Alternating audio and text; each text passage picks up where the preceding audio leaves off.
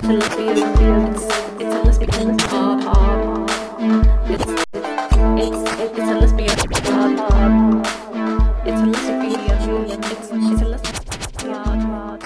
och välkomna till Lesbisk podd med mig Sofie Och med mig Lotta. och våran gäst här idag Sara. Hej! Välkommen! Tack! Eh, vad kul att ha dig här. Eh, jag känner ju inte till dig så jättebra sedan tidigare så jag tänkte att vi kan börja bara om du kort kan berätta lite grann vem du är. Och Mm. så.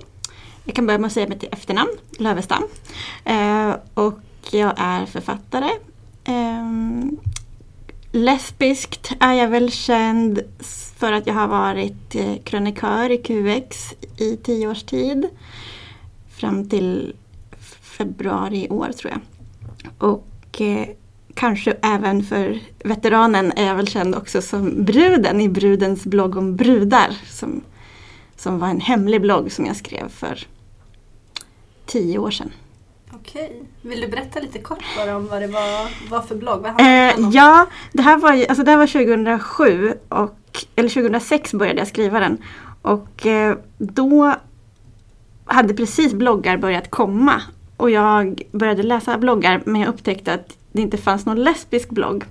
Så började jag fundera på det där och då, jag pluggade då, ja, jobbade lite grann och så, ja, men hade lite tid över. Så, och var singel. Eh, så att jag började skriva en blogg som hette Brudens blogg om brudar. Eh, jag valde en bakgrund som ingen skulle förknippa med mig. Eh, jag sa inget till någon, inte ens till min rumskompis. Eh, och började skriva och efter några månader så hade folk börjat hitta till den här bloggen. Och jag skrev ganska mycket om min, mitt datingliv, tje- tjejer jag träffade och hur jag kände och hur det var. Mm. Eh, och väldigt mycket om att vara lesbisk och komma ut och sådana saker. Eh, och i augusti 2016 började det bli väldigt ohållbart för då, då, hör, då pratade alla om bruden där jag var, alltså på de klubbarna där jag gick. Så var det en, en ganska stor jakt på bruden. Alltså ta reda på vem Ja, är. ja, alltså jag kommer ihåg första gången som jag var ute och de var eh, Jag hörde att bruden är här. Eh, Jag bara, vilken brud? Bruden, brudens blogg. Läser du inte brudens blogg? Jag bara, nej, vad är det? Men gud, det måste, alla läser den! Jag bara, jaha, men då måste jag kolla in.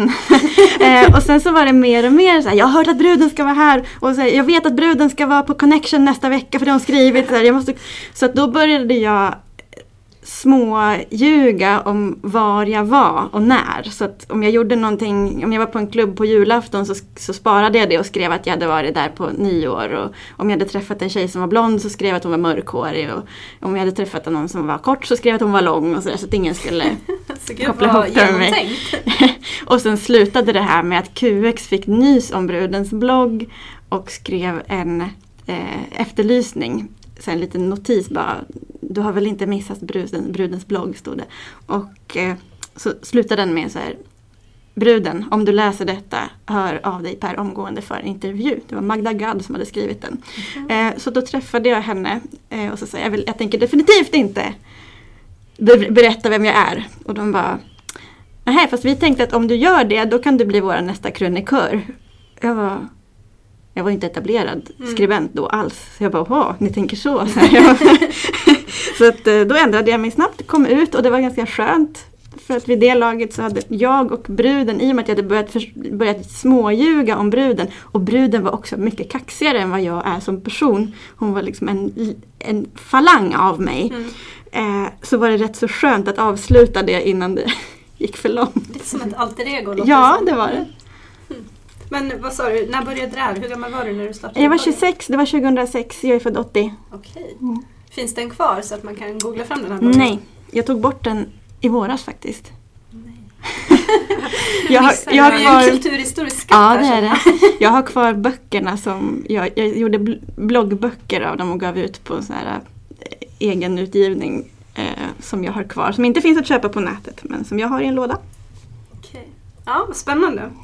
Eh, men som sagt, temat idag är ju just skrivande böcker, författarskap. Eh, och jag var lite nyfiken för jag har ju gjort lite research här i alla fall och googlat fram att du började skriva väldigt tidigt. Ja. Det var åtta år tror jag när du publicerades första gången. Ja, i, ja, med en dikt i Östersunds-Posten. Exakt. Mm. Kan du berätta lite mer om det här? Alltså, var kommer det här intresset ifrån? Nej, jag, har, jag har skrivit så länge jag kan minnas verkligen. Eh, jag, började med, jag började läsa och skriva när jag var väldigt, väldigt liten. Och så fort jag började kunna forma bokstäver så började jag skriva historier. Och de, de tidigaste alster jag har kvar, det, är- då är jag fyra år och skriver fanfiction på plupp. Ehm, Plupp? Ja, Vad är plupp? pluppböckerna, har du inte läst plupp? plupp ja, där han den där blåhåriga. med blåhåret och halsduken. Mm. Okej. Fanfiction på plupp. Ja. Ja. Mm. Ja, eh, så att jag kan inte säga hur det började för att jag var så pass liten så att jag började läsa samtidigt som jag började prata. Alltså, läsning och skrivning kom nästan samtidigt som höra och prata för mig. Eh, och det har alltid känts eh, prioriterat på ett sätt som inte är så lätt att förklara för någon som inte känner så. Mm. Det har alltid känts som att det är det här jag ska göra. Okej. Och sen eh, började det direkt med något form av lesbiskt tema i dina böcker eller hur, hur har det kommit in? Eh, alltså plupp är ju inte lesbisk. Jag fick reda på nyligen. Jag fick reda på nyligen att plupp var en han. Jag, jag läste alltid plupp som en hon eftersom jag identifierade mig med plupp när jag var liten. Eh, men i alla fall. Eh, när jag skrev min första... Alltså, jag växte upp i tron att jag var väldigt bra på att skriva. För att det sa mina lärare till mig. Um, och när jag var 19 år så bodde jag tillsammans med min pojkvän. Hade inte kommit ut än. Eh, men tittade på tjejer och var, mådde inte bra i min relation. Och han mådde definitivt inte heller bra av att vara ihop med mig. Um, och då skrev jag mitt första bokmanus som handlade om en tjej som var 19 år som bodde tillsammans med sin pojkvän. Eh, och kom på att hon gillade tjejer, blev kär i en tjej och gjorde slut med sin kille. Så det var mitt första bokmanus. Ehm, vid det la, alltså när, problemet var ju att jag hade ingen aning om hur man skrev en roman. Så att när jag kom dit eh, till att de blev ihop, hon blev ihop med den här tjejen och hon hade dumpat killen, då hade det kanske gått 35 sidor. Eh, och jag bara, det här räcker inte för en bok. Det måste bli längre. Så då hittade jag på en helt annan historia om hennes granne som hon måste hjälpa. Och, ja, så fortsätter den. Till slut så kom jag på, nej men det här går inte, det här är inte, så här funkar inte en bok. Att det händer olika historier efter varandra. De måste ha med varandra att göra. Ehm, så då skrev jag min... Ja, sen, sen kom jag ut. Sen eh, gick jag på... publicerades boken? Eller hur? Nej, nej, nej, nej, nej, jag, jag skickade Så inte in den heller. Nej, nej, jag in, eh, nej. Momentet eller Nej, däremot så fick min pappa läsa den. Och sen, sen när jag väl hade kommit ut så, mitt komma ut historia med min pappa det var att jag, min, min pappa och min mamma hade precis separerat och pappa frågade mig på telefon så här eh, Känns det jobbigt för dig nu när jag och mamma har separerat? Eh, och jag sa att nej det känns inte, jag förstår ju, jag har ju separerat från min pojkvän även om det kanske inte är samma, av samma orsaker. Nej, sa han, vill du berätta? Vad är, varför har ni separerat? Och, nej, sa jag, vi kan, vi kan ta det någon annan gång. Jaha, är du lesbisk? sa han. Ja. Han var så rakt på? Ja, ja, ja, han är så. Eh, så att, eh, så var det med det. Han bara, ja, ja, men jag tänkte väl det. Och jag var helt förbluffad. Hur visste han det? Och så här, Fast i efterhand så tänkte jag, han fick ju läsa det där manuset. Ja, det var efter att han hade Ja. läst boken. Ehm, sen skrev jag en till bok. Jag gick på, på folkhögskola och skrev under tiden som jag gick där. Så skrev jag en bok om en tjej på högstadiet som blev kär i sin tjejkompis. Och den blev nog inte klar den boken om jag minns rätt. Och sen så var jag tillbaka i Stockholm, var ute på klubbar, träffade tjejer och lärde mig ragga och sådär. Eh, och skrev om en tjej i 21-årsåldern som var ute på klubbar och raggade. Och det manuset blev jag väldigt nöjd med. Eh, skickade in, blev refuserad av samtliga förlag. Eh, blev väldigt chockad för att jag hade väldigt hög eh, tro på min egen förmåga. Eh, Drog slutsatsen att alla förlag är homofober. Eh, lärde mig senare av mina misstag. Jag fick faktiskt ett jättebra refuseringsbrev av Norstedts då som skrev att jag hade ett rikt och nyanserat och personligt språk. Men att mina huvudpersoner var endimensionella och min, min historia är förutsägbar. Så då, då, det var faktiskt det som fick mig att lära mig att skriva böcker ordentligt. Den refuseringen.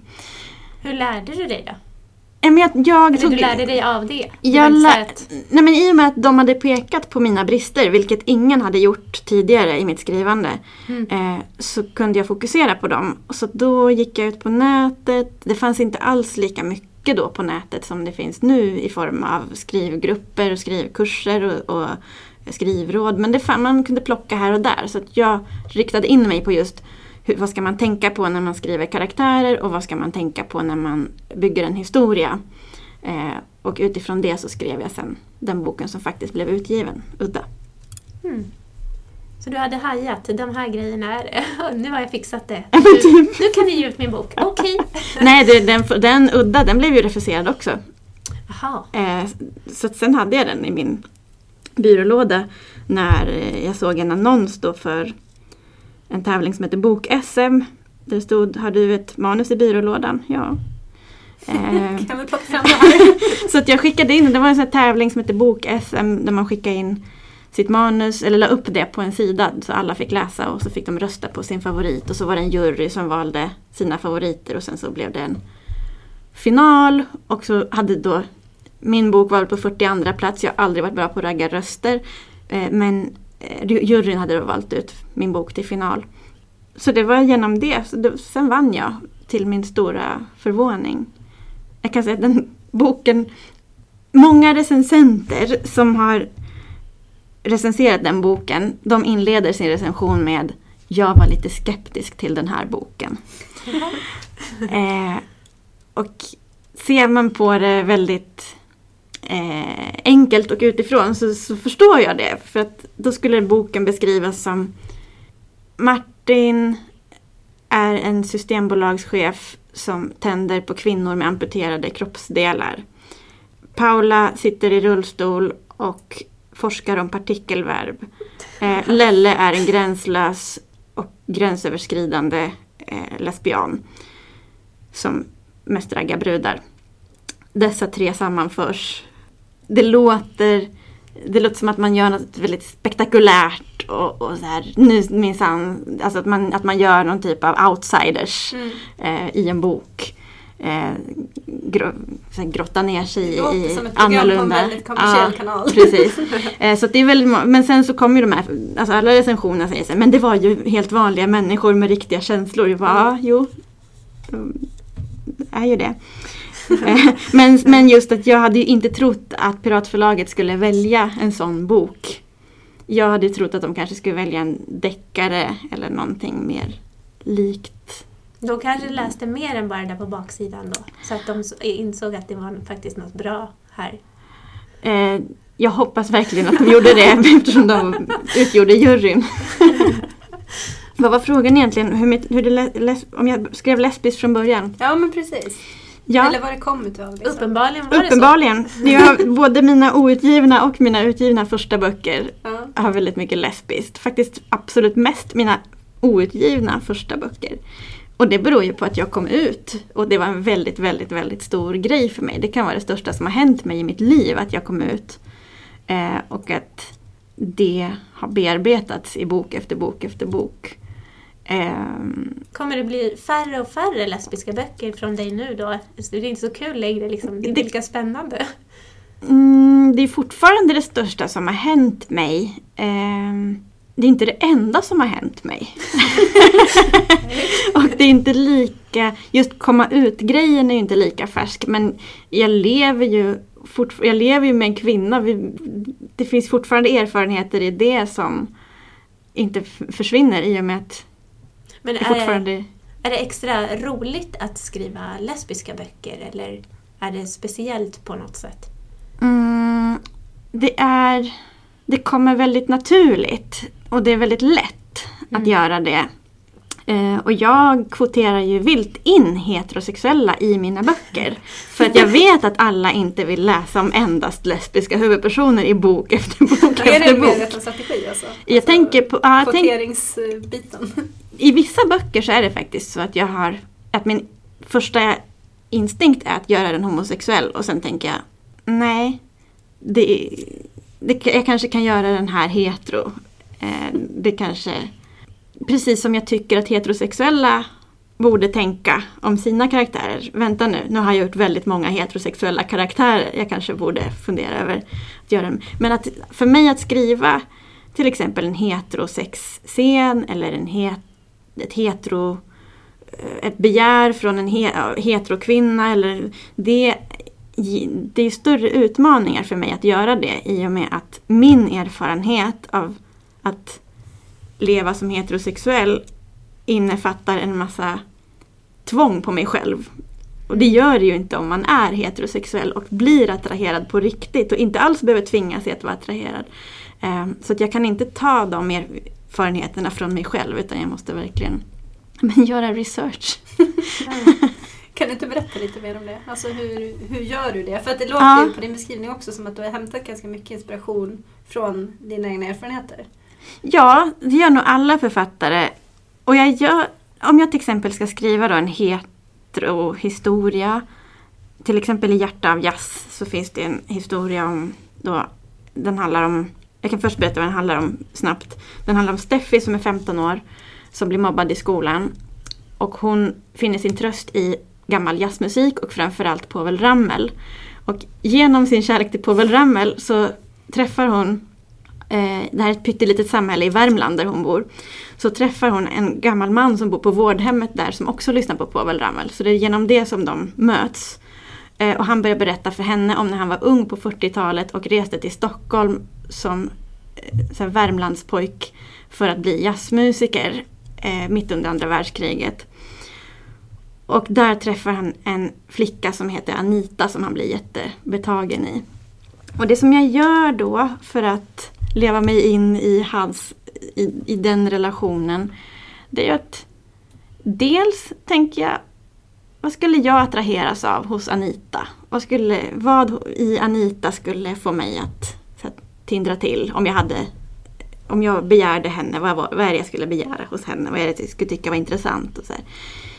Eh, men sen måste jag också, heterosexualiteten innefattar ju en massa regler och normer som också eh, som också bygger bilden av heterosexualiteten. Och bilden av heterosexualiteten sipprar in i heterosexualiteten. Alltså den eh, gör ju sig själv på något sätt i och med att den, det finns så väldigt många bilder av den. Och, till, en typisk sån är att mannen ska vara längre än kvinnan. Mm. Det är ju inte så. Det är väldigt många relationer där det inte är så. Ändå är det normbilden. Och kollar man på vanliga kommersiella tv-program där någon försöker träffa någon. Då är det väldigt ofta att tjejen säger han ska vara lång. Eller han ska åtminstone vara längre än jag. Sådär. Mm. Eh, och då får jag tänka så här, hur mycket, hur viktigt är det när jag ska skildra heterosexualiteten?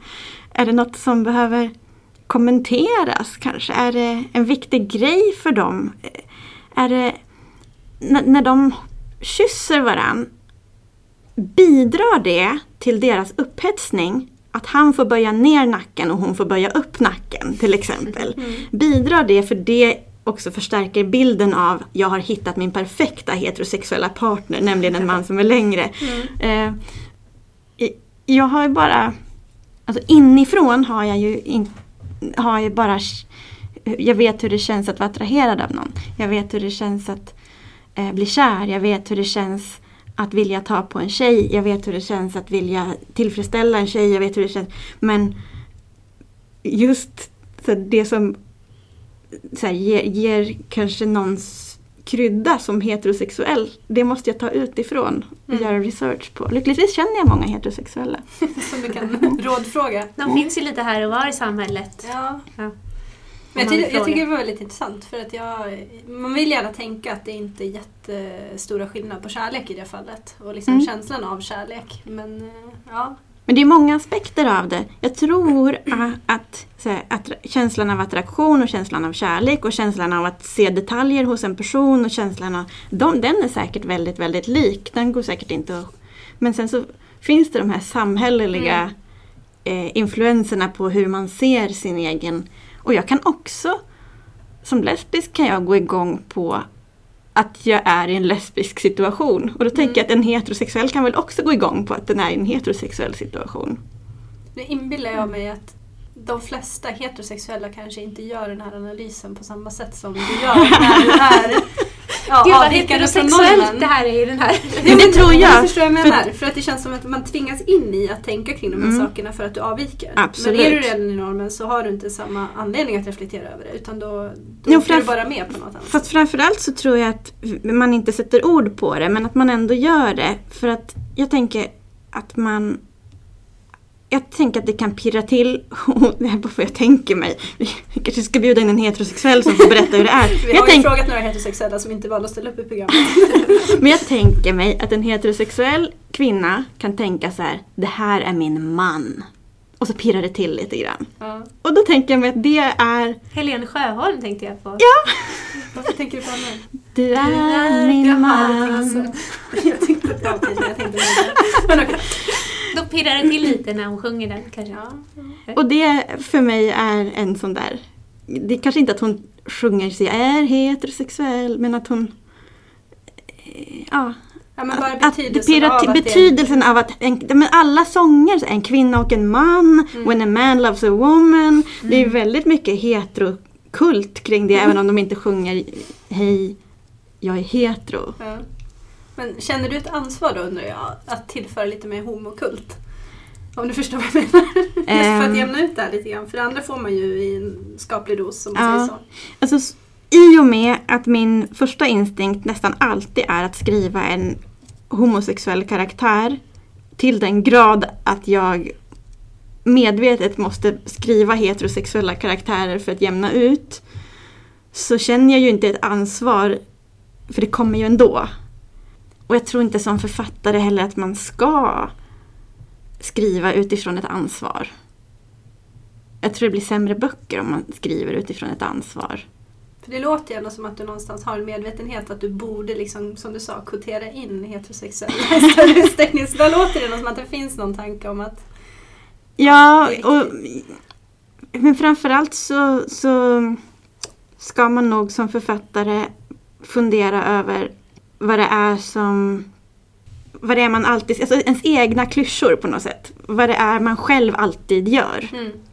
mm, Och då skulle jag tipsa heterosexuella författare som alltid skriver om heterosexuella att fundera över det. mm, Själv måste jag fundera över att mina karaktärer nästan alltid börjar som homosexuella och jag sen måste...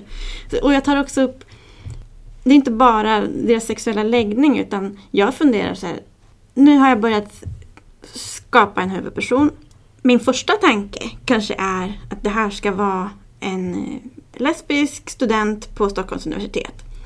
Men sen har jag också en historia som, den- som, som den här personen ska utvecklas och vara i. Och så tänker jag, jag tar liksom upp den personen så tänker jag, vilken sexuell läggning ska den ha? Vilken könsidentitet ska den ha? Ska den vara trans kanske? Ska den, ska den, vara, ska den ha svenska föräldrar? Eh, ska den ha någon funktionsvariation? Ska den, alltså allt möjligt som, för att annars så blir det kanske att jag skriver om samma typ av person gång på Mm. gång och det utvecklar inte mig och det gör att jag missar aspekter som skulle gjort boken mer intressant kanske, eller huvudpersonen mer intressant.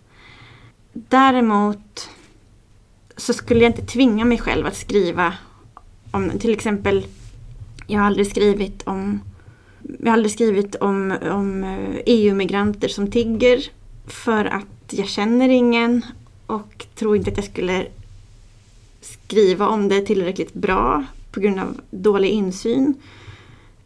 Men jag känner heller jag känner inget ansvar sådär att representera en viss grupp. Nu kanske jag ta- talar i cirklar, jag har sagt samma sak om och om igen. Eh, Men jag tänkte lite på Koplan där. Ja. som du faktiskt har skrivit om eh, ändå. Inte som Tig Jo, han tigger vid ett Ja, tillfälle. han klär ju ut sig till tiggare i en av böckerna Men, för att ja, spana. Kan Men du inte berätta lite lätt grann om alltid. den här serien som det faktiskt handlar om, Kopplan? Jo. För den som inte är så jättebekant med den, typ. ja. jo, jo, men gör det. Det tycker jag. Okej. Ja, ehm, Kopplan kom efter att jag hade skrivit fyra romaner, varav två historiska, och en grammatikbok. Och eh, det är en typ av spänningsromaner eh, som jag skrivit fyra stycken, en, en, en serie i fyra delar är det. Eh, där huvudpersonen då heter Koplan och är eh, papperslös flykting från Iran som gömmer sig i Sverige tills han får söka asyl på nytt. Och eh, han sätter ut en annons en dag, det är så den här bok, bokserien börjar, att han sätter ut en annons för han behöver få in pengar. Och då skriver han, behöver du hjälp men inte kan kontakta polisen, kontakta mig, privatdetektiv. För han är ju då journalist och har kommit på att så här kanske jag kan tjäna pengar genom att hjälpa folk att ta reda på, på fakta. Precis som jag gör som journalist, eller som gjorde som journalist i Iran. Eh, och eh, Kopplan är, det framgår inte förrän i slutet av första boken, men han är transkille. Eh, och Kopplan är ju då hans, eh, namnet som han tog sig när han kom ut som kille och det gjorde han efter att han hade kommit till Sverige. Så han har ingen kontakt med sin familj. Och är också, längtar väldigt mycket efter dem men är också lite rädd för att kontakta dem. För då får ju de veta vad han har gjort.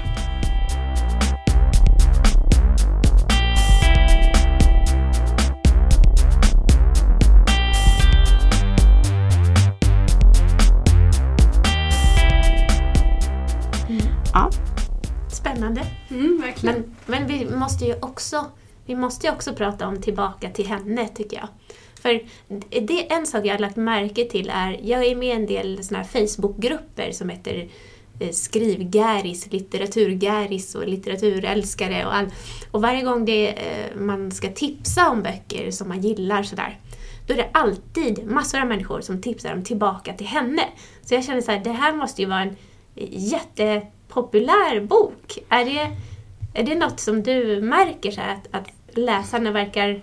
jag skulle tycka- säga att generellt min mest omtyckta bok är Hjärta av jazz.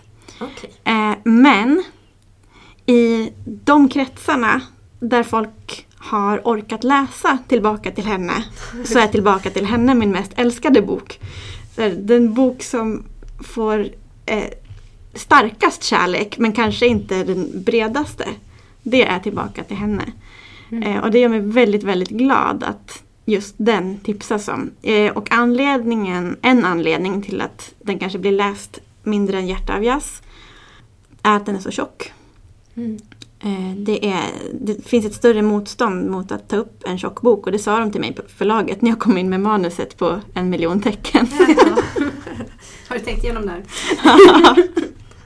Ja, så folk orkar inte läsa tjocka böcker längre? Eh, det, är som ett, det, är mer, det är ett åtagande att plocka upp en tjock bok och börja läsa den på ett annat sätt än att plocka upp Mm. en hyfsat tunn bok som man tror att man kommer ta sig Men igenom det är snabbt. riktigt härligt att plocka upp en, en tjocck bok också tycker jag. Ja. Men det är nog det är väldigt individuellt tycker jag. För, Det är eller tänker jag, för att det är också det är en risk om man så vill. Att Mm. plocka upp en tjock bok, Mm. investera den tiden och så märker man en tredjedel in att det här var ju inte så spännande som jag hade hoppats till exempel. Nej, det här Då har jag läser gett. man inte klart den. Nej men då Det kanske du ändå jag en tredjedel som är lika mycket som en annan bok. Men den här läste jag klart. Ja, ja, Mm. Men då tänker jag att det är toppen om man nu har fått tips från folk man ja. Tror faktiskt har eh, kanske liknande smak som en själv eller ja, sådär. Så brukar jag göra nämligen. För jag Ja. testar alla böcker på min syster. Ska vi säga vad den handlar om Ja, och vad som gör den lesbisk? Kan Ja. inte du säga? För jag har pratat om mina böcker Ska nu. jag säga? Ja, kommer du ihåg vad den Eh, den, handlar, den handlar om min farmors mor, Signe. Ja, just ja. Eh, Det gör, det gör den inte. eh, nej, men det var roligt för jag, jag kände igen min farmors mor som eh, var eh, lärarinna och jag tror jag räknade ut att hon var född samma år också. Ja, det var väldigt mycket som var likt. Så det var jättekonstigt. Och hon var också så här kvinnosakskvinna tänkte jag Ja. säga. Nu berättar jag vad den handlar om. Eh, Ja, ja men gör det. gör det, det är nog bättre Ja, att du... så du får veta. Mm, Eh. Jag har ju säkert läst den men vi får se. Eh, den handlar om eh, en kvinna som heter Hanna som lever i nutid och som är ganska bitter på det mesta. Och plötsligt så får hon i sin ägo fyra stycken föremål eh, från förra sekelskiftet. Det är en gammal skollinjal, en silverbrås, ett par kängor och eh, vad är det mer? Eh, ett par glasögon. Eh, och hon börjar uppleva att de här sakerna påverkar henne. Så att hon blir nyfiken på var de kommer ifrån. Så hon letar reda på de här glasögonens ursprung och upptäcker då en historia som utspelar sig 1906 eh, med en folkskollärarrinna som heter Signe eh, som 1906 är väldigt arg eh, för att regeringen då har bestämt att eh, folkskollärarinnor ska tjäna, få mindre lön än folkskollärarna, alltså männen. Eh, så hon blir förbannad på detta. Och så, så kommer det ett resande sällskap till Tierp där hon bor som är där för att agitera för kvinnlig rösträtt. Eh, och jag, gärna starta en lokalförening där. Eh, och då inser Signe när hon pratar med dem att om jag ska få bättre lön så måste vi ha en, en regering och en riksdag som röstar för att kvinnor ska få lika lön. Och för att vi ska få det så måste vi kvinnor också kunna rösta. Och för att vi ska kunna rösta måste vi få rösträtt. Så att hon blir engagerad i rösträtten och blir också jättekär i en av de här två rösträttskvinnorna som kommer från Stockholm. Eh, så att hon ja, inleder ett förhållande med den här unga rösträttskvinnan Anna. Bygger det här på några verkliga händelser eller är det bara... Ja, kvinnor fick ju rösträtt och kämpade för rösträtt.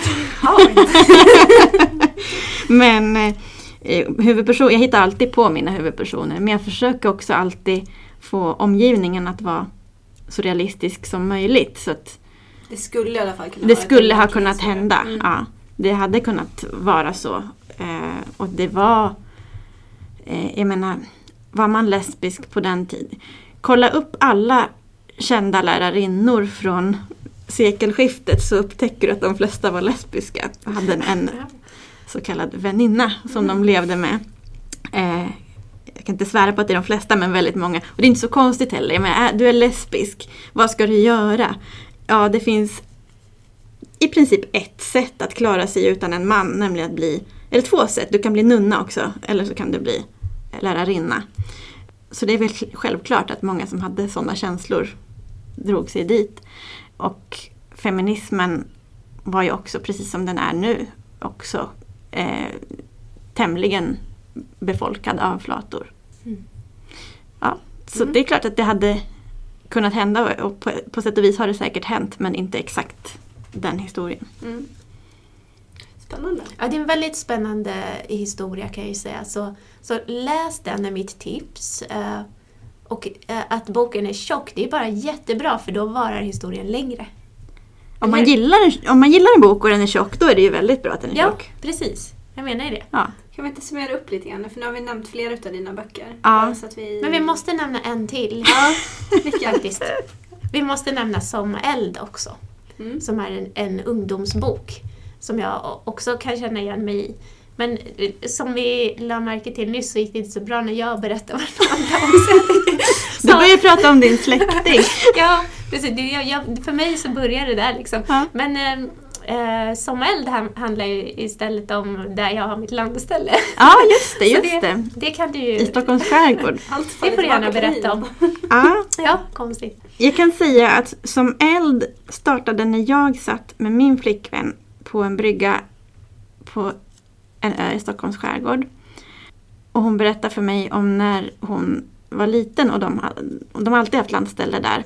Ehm, och jag började försöka föreställa mig hur hon kan ha haft det för att de var ju inte den de var, inte, de var ingen rik familj eller så, de hade det ganska kämpigt. Och, eh, och det fanns sjukdom och det fanns allt möjligt. Och sen så kom alla de här jätterika, framförallt senare på 70-talet och 80-talet. Och så blev det allt rikare och rikare. Så jag bara tänkte, hur, hur var det för henne att växa upp där? Och så sa jag, men umgicks ni inte med, umgicks ni med de här svinrika som kom sen? Nej, vi pratade liksom aldrig med varandra. Så. Och då började jag tänka så här, tänk om hon hade gjort det. Man hade varit så här 15 år och varit på den här ön. Och, och, så, hade det, och så hade hon mött en tjej från den rika familjen. De, det är något också litterärt intressant med en ö just för att det är ett ställe där man inte kan åka därifrån så lätt. Mm. Så det är en så begränsad liten värld. Och så lever de här två där samtidigt. Och så börjar jag tänka så här, ja. Och den rika tjejen, hon, skulle kunna, hon kunde heta Louise. Eh, och hon, hon vill egentligen inte vara där för hennes föräldrar eh, tvingar henne dit för de har köpt det här stället och, och, och det ska bli så romantiskt med skärgården. Men hon vill egentligen vara i Grekland med sina kompisar. Och, och den andra tjejen, Anna, hon kan ha varit där varje sommar hela livet. Hon vet var, precis var allting ligger och hur man lägger nät och var det finns ormar. Och, och så, åh, jag får en sån här scen i huvudet hur de bara går ner. De, bara de två och det är natt och de går ner i en båt och den så här, de paddlar ut eller åker ut med en motorbåt. Eller, och vattnet är helt svart och de sitter så här och, och bara är uppfyllda av någon typ av känsla för varandra men har väldigt svårt att uttrycka det och samtidigt vara coola och samtidigt förstå varandra för de är ju ändå från lite olika världar. Och, eh, och så här, månen skiner och det är så här, och till slut så bara jag måste gå, så, jag jag spratt upp från bryggan och, och drog, upp, drog iväg då upp till, till vårat lilla hus. Eh, och min flickvän bara, vad vad ska du? Jag bara, inspiration, inspiration! Så jag sprang därifrån. upp- Skriva en bok. Ja. Nu igen, säger Ja. man. Eh, nej men så, att, eh, så då så skrev jag den. Eh, och den handlar just handlar om det som jag sa. Okej. Får jag summera nu då? Ja. Eller Du får inte du summera. jag, du får summera Lotta. Vilka Ska böcker jag summera? vill vi skicka med som tips? Ja, men, eh, ja, jag skulle vilja skicka med ehm, av Saras böcker då förstås eh, tillbaka till henne. Och som eld. Eh, den går jättebra att läsa fast man är vuxen. Det har jag provat, det gick jättebra. Eh, och udda kan man ju också läsa. Eh, är, det något mer av dina böcker man ska läsa om man vill läsa lesbiskt, Sara? Det är nog mina mest lesbiska böcker, de som du har sagt. Sen har, finns det lite Det finns lite lesbiskt Ja men det finns en hel del lesbiskt i Kopplan-böckerna. och framförallt tror jag att det är den andra boken där Koplan som då är transkille, han, när han kom till Sverige så ble, ja, blev han kär i en tjej som var lesbisk och som såg honom som lesbisk för han hade inte kommit ut ändå. Eh, så de hade en relation så det finns ganska mycket där om just dilemmat med att vara en lesbisk person som är ihop med någon som visar sig vara en transkille. Vilket innebär att man liksom på samma gång har ett lesbiskt och ett heterosexuellt förhållande beroende på hur man ser det och någonstans kommer det ofta en brytpunkt.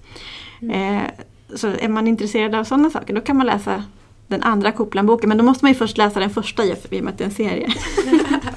Ja. Smart. Men eh, jag tänker så här för, ehm, för att avsluta lite. Eh, skulle jag vilja fråga dig, har du något speciellt eh, lesbiskt läsminne som du skulle vilja dela med dig av? Ja, det får nog vara Det får nog vara Stjärnor utan svindel, ett klassiskt svar. Eh, för det var den första lesbiska bok som jag läste. Vilket gjorde den till en stor upplevelse. Mm. Ja, det var faktiskt den första jag läste också. Jag måste ju få veta mer, för det där var ju ett väldigt ospecifikt minne. Ja, det var en specifik bok.